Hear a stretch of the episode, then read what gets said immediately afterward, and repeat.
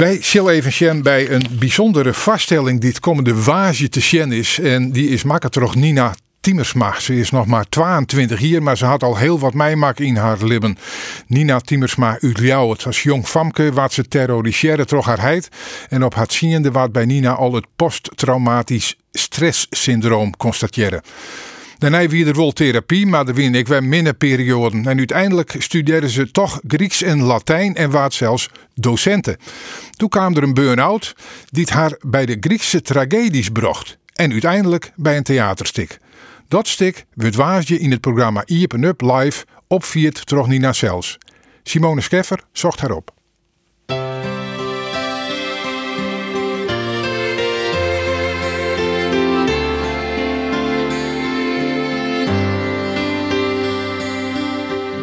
Het is dus een autobiografisch stuk. Dat gaat over mijn leven, maar ook voornamelijk uh, over de manier waarop de literatuur van de klassieke oudheid mij heeft geholpen.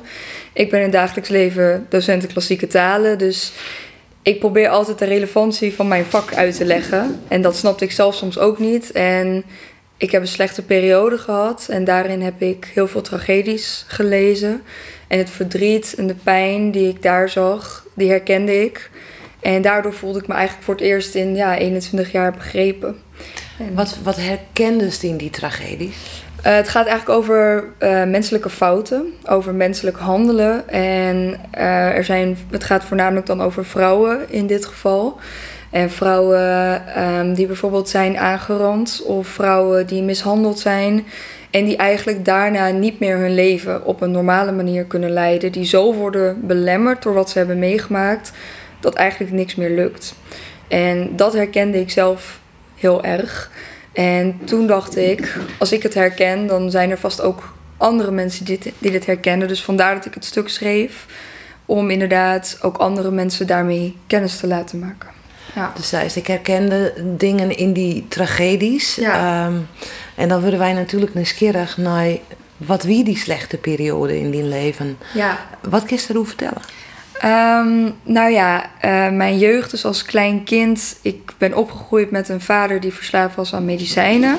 Aan petidine, het zusje van morfine. Dus ontzettend verslavend. En wat ik ook vertel in mijn voorstelling is dat ik daardoor eigenlijk twee vaders had. Een vader die uh, onder invloed was. En een vader die eigenlijk altijd een poging deed om onder invloed te raken. En dat was ja, dat leidde er eigenlijk toe dat hij agressief werd thuis. Um, mij zowel fysiek als mentaal um, heeft mishandeld. Hoe oud was je toen? Um, mijn ouders zijn gescheiden in 2005. Dus toen was ik acht. Uh, dus ik was heel klein, ik was nog heel jong. En in die periode daarna, toen ze gescheiden zijn, toen heeft mijn vader ons gestalkt en bedreigd. Dus dan kregen wij continu sms'jes van, uh, nou, dit is je laatste dag geniet er maar van. Of ik kreeg, ik kreeg een sms'je waarin stond dat hij liever bijvoorbeeld mijn eh, beste vriendinnetje als dochter had gehad, omdat ik toch waardeloos was. Dus daardoor ben ik opgegroeid met het idee dat ik eigenlijk niks waard was en dat het met mij niet echt goed zou komen. Dat het niet heel veel zin had dat ik hier was. En dat maakte me heel verdrietig. Ik was heel erg bang. Ik durfde niet alleen de straat op. Ik moest altijd mijn moeder mee hebben of mijn opa. En alleen naar school fietsen, dat was voor mij geen ding. Want ik was gewoon bang dat op elk moment mijn vader zou kunnen komen. En uh, nou ja, wat dan ook maar zou doen. Heeft jou in het diepst geraakt, al deed jouw hart telkens pijn. Je mag nu vrolijk zijn. Geeft het kracht als ik je zeg, jij bent vrij, dus volg je weg. Niemand zit jou op de huid, dus sla je vleugels uit. Ik heb vrij regelmatig gehad dat uh, ik thuis kwam en dat er bijvoorbeeld een uh, briefje op de deur zat waar hij had behoorlijk wat schulden. Dus dan zat inderdaad bijvoorbeeld een briefje op de deur waarop stond: Nou ja, als je nu niet betaalt, dan uh, weet ik veel wat we dan allemaal doen. Um, hij schreeuwde veel, hij sloeg, hij beledigde. Um, en het eigenlijk het allernaarste was als hij onder invloed was, was hij gewoon onherkenbaar. Die lege blik gewoon in zijn ogen en ja, het was geen vader. En er kwam een moment waarop um, ik mijn moeder heb gebeld, omdat hij met spullen begon te gooien. En ook spullen op mij begon te gooien. En ik gewoon zo bang was dat ik uh, haar heb opgebeld op haar werk. En eigenlijk maar gewoon ben gaan schreeuwen door de telefoon. En ehm, dat is ook de dag dat wij uh, zijn weggegaan toen. Toen zijn we bij mijn opa en oma gaan wonen. En uh, ja, uh, toen moesten we gewoon weg. Toen trokken we het eigenlijk beide niet meer. Toen was ook wel voor iedereen duidelijk: hij gaat niet veranderen. Het gaat niet meer veranderen, dit is het.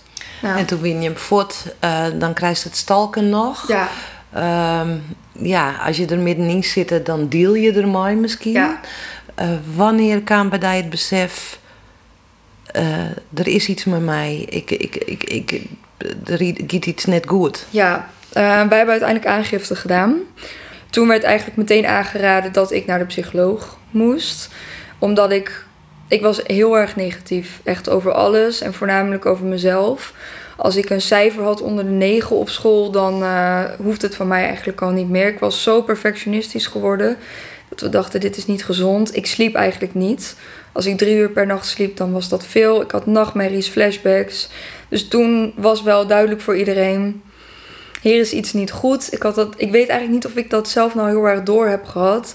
Ik heb me wel, ben me er altijd heel erg van bewust geweest dat ik heel anders was dan andere kinderen op die leeftijd. En toen ging ik dus naar de psycholoog. En toen moest ik daar mijn verhaal doen en hoe ik me voelde en wat ik vond. En toen kwam uiteindelijk dan die diagnose dat ik dan PTSS had.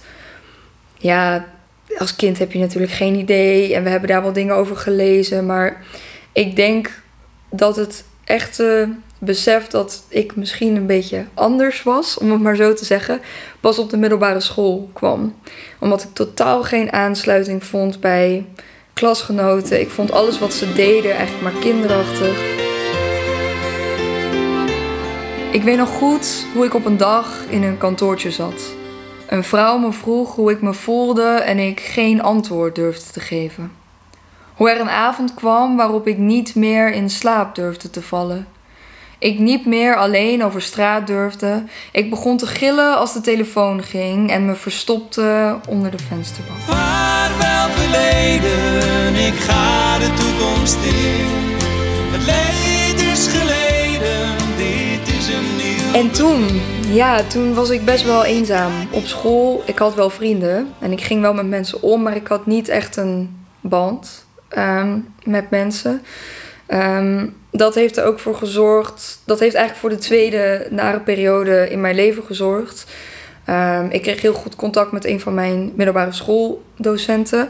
Wat eerst eigenlijk heel gezellig en aardig was, maar wat eigenlijk steeds meer een beetje de verkeerde kant op ging. Dus een hand op mijn onderrug of een kus op mijn mond. Dat ik dacht, ik weet nou niet of ik me hier heel prettig bij voel, maar ik vond bij hem die verbinding die ik zocht. En daar voelde ik me prettig bij.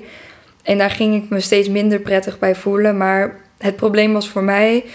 Ik was heel erg gericht op mijn cijfers, zoals ik net ook al zei. En ik was heel bang dat als ik nee zou zeggen op iets, dat dat ervoor zou kunnen zorgen dat ik mijn eindexamens niet zou halen. Dus ik heb dat veel verder laten gaan dan ik wilde. Ik kon op dat moment ook niet anders dan meegaan, want ik was gewoon scheid benauwd eigenlijk. Ik was 17 en ik werd toen 18 en ik wist ook niet zo goed wat ik anders moest doen. Dus het heeft er voor mij. Ik denk dat de hele situatie in mijn jeugd ervoor heeft gezorgd dat dat uiteindelijk ook is gebeurd. Ik vond mezelf niks waard, dus dan laat je alles ook maar gewoon gebeuren. Nog duizend dagen en dan heb ik een omhulsel dat nooit door jou is aangeraakt. Lippen die de jouwe nooit hebben gevoeld. Een huid die het luchtje dat je droeg nooit in zich heeft opgenomen. Misschien kan ik dan weer aan mensen ruiken met die geur zonder over mijn nek te wegen. Hoop dat het in de toekomst beter gaat. Op het moment dat er PTTS uh, uh, uh, wordt geconstateerd, ja. um, wat, wat gebeurt er dan qua therapie eigenlijk? Um, er zijn veel verschillende therapieën. En omdat ik kind was, was in eerste instantie het idee dat ik um, mijn trauma zou gaan tekenen. Dus dat ik bepaalde beelden zou gaan tekenen of nachtmerries die ik had. Ik had al vrij snel aangegeven dat ik daar geen zin in had. Want ik wilde gewoon heel graag praten. Wat bijvoorbeeld wat ik kreeg was dat ik een schoenendoos moest maken. En dat ik elke avond voor het slapen gaan daar mijn nare gedachten in moest stoppen. En dat is iets wat ik eigenlijk heel lang heb gedaan en wat ik heel fijn vond. En uiteindelijk uh, Griekse uh, tragedies. uiteindelijk Griekse tragedies, ja. Ehm, dat is wel, het is eigenlijk wel grappig ook hoe dat is gekomen. Ik kwam in 2017 weer te werken op mijn oude middelbare school. En ik had heel lang nagedacht of ik dat wel ging doen. Want dan werd ik natuurlijk continu geconfronteerd met die persoon. En ik dacht, ik weet niet of dit slim is, maar ik ben een sterke volwassen vrouw, dus ik kan dit. En dat kon ik dus niet. Ik werd heel erg ziek. Uh, ik kreeg een burn-out. Ik ben 13 kilo afgevallen. En als ik zo'n maand langer door had gewerkt, dan uh, hadden mijn organen het gewoon opgegeven. Dat had het echt niet meer getrokken. En toen ben ik op vakantie gegaan in mijn eentje naar Athene. Um, en daar ging ik en ik had een boek mee waarin iemand zijn eigen verhaal koppelde aan het verhaal van Odysseus. Nou, dat is dan epos, maar ik, ik vond tragedies altijd heel erg interessant. En ik zat daar, ik vergeet het echt niet meer, ik zat boven op het dakterras van mijn hotel. En ik dacht, ik ga al die tragedies gewoon weer eens herlezen. En ik ga kijken wat zij voelen en denken. En ik ga helemaal niet kijken naar het literaire aspect, want dat heb ik tijdens mijn hele opleiding al gedaan. Ik ga kijken naar hoe die mensen zich voelen. En ik heb echt tijdens sommige tragedies gewoon zitten huilen, omdat ik echt het idee had, 2500 jaar geleden hebben we het dan over, voelden mensen al precies wat ik voelde. Dus ik hoef me niet te schamen, ik hoef niet te denken, ik mag dit niet met mensen delen. Ik moet het juist met mensen delen. Dus het is eigenlijk op vakantie, daar in mijn eentje, dat ik daar een beetje voor me uit zat te staren. Zo is dat, uh, zo is dat ontstaan. Ja. Dan lees dat. Ja. Um, en nou heeft een, een theaterstuk. Ja. Hoe is dat proces gegaan? Ehm, ik moest een scriptie schrijven voor mijn afstuderen. En ik kon van alles doen, want ik vind alles wel interessant. En ik wilde dus gaan schrijven over PTSS bij vrouwen in de oudheid. En ik had dat geschreven en ik vond dat heel erg interessant en ik was er eigenlijk nog lang niet klaar mee. Maar ik had niet heel veel zin om dat op het academische gedeelte nog verder te gaan doen. Dus toen dacht ik, ik schrijf al heel lang gedichten. Ik heb eigenlijk mensen nooit verteld waar die gedichten over gaan. Dus misschien wordt het voor mezelf tijd om die nare periode voor mezelf af te sluiten. Dat te koppelen aan mijn scriptie. En daarmee dus te koppelen aan mijn levensverhaal. Dus op die manier, door mijn scriptie te koppelen aan wat ik zelf heb meegemaakt. Uh, zo is dat eigenlijk een beetje gaan rollen. En wat heeft het stik voor jijzelf dienen eigenlijk en het maaien ervan? Het heeft voor mij uh, heel veel gedaan, omdat ik eindelijk uh, zowel tegen mijn familie als tegen mijn vrienden als tegen volslagen onbekenden eerlijk kon zijn.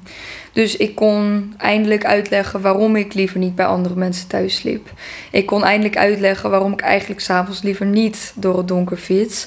En ik hoef dat dan niet per persoon uit te gaan leggen, maar ik kon het gewoon in één keer doen.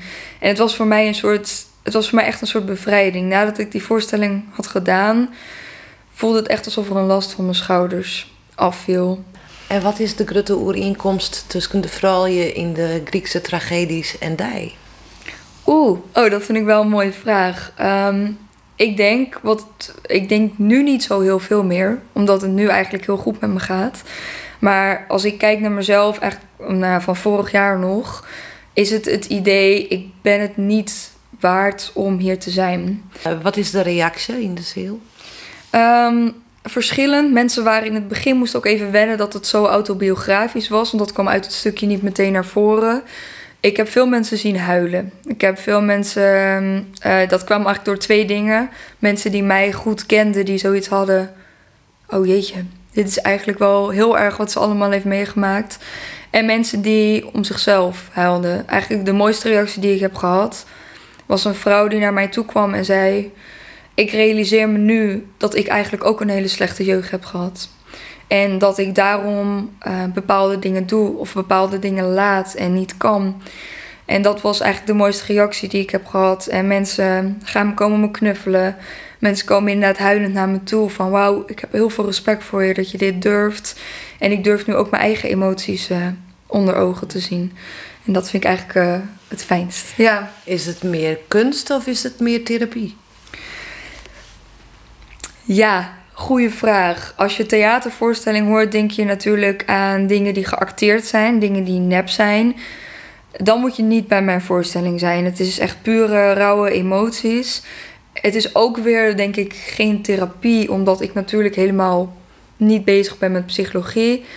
Ehm, ik denk eigenlijk, dat klinkt heel raar, het is natuurlijk niet cabaret, maar het is juist helemaal geen cabaret, maar wel dat idee. Dus je eigen verhaal delen, maar dat wel in een kunstvorm gieten. Ik denk dat het inderdaad een, een, tussen, tussenvorm is. En even op die zelf even rondkomend, uh, ik vreeg daar naar muziek. Ja. En toen kwam het met Nick en Simon. Ja, ja, ik kom met Nick en Simon, dat klopt. Uh, ik was als klein meisje echt verschrikkelijk fan, er hingen overal posters. Uh, maar er is één liedje waar eigenlijk mijn hele familie en ik altijd zeiden van nou, het liedje is voor jou geschreven. Is niet zo, maar als fan wil je dat natuurlijk graag. En het was inderdaad Vaarwel Verleden uh, van Nick en Simon. Omdat zij inderdaad daarin letterlijk zeggen, Vaarwel Verleden, ik ga de toekomst in. En ik luisterde dat liedje vroeger altijd en ik dacht, ik hoop als ik later groot ben, dat ik dat liedje kan luisteren en kan denken, het is me gelukt.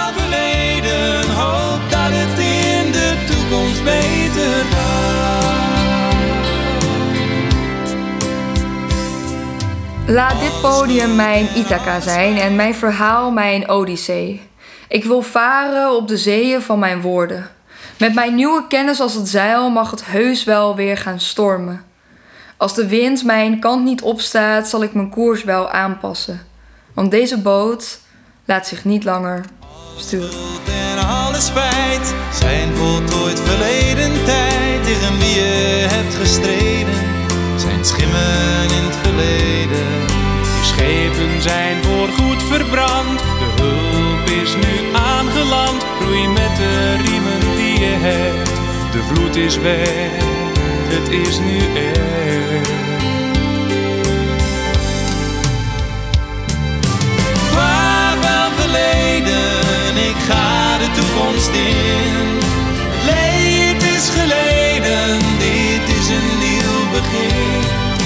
Ik kijk niet om naar wat ik achterlaat.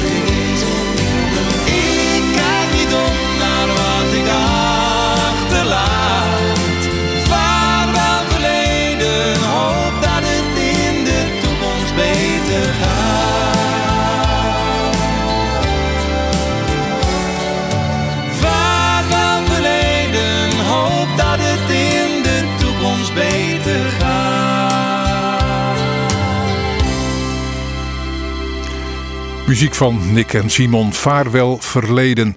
Van Nina Tiemersma, een wichtig noemer, dat begreep je.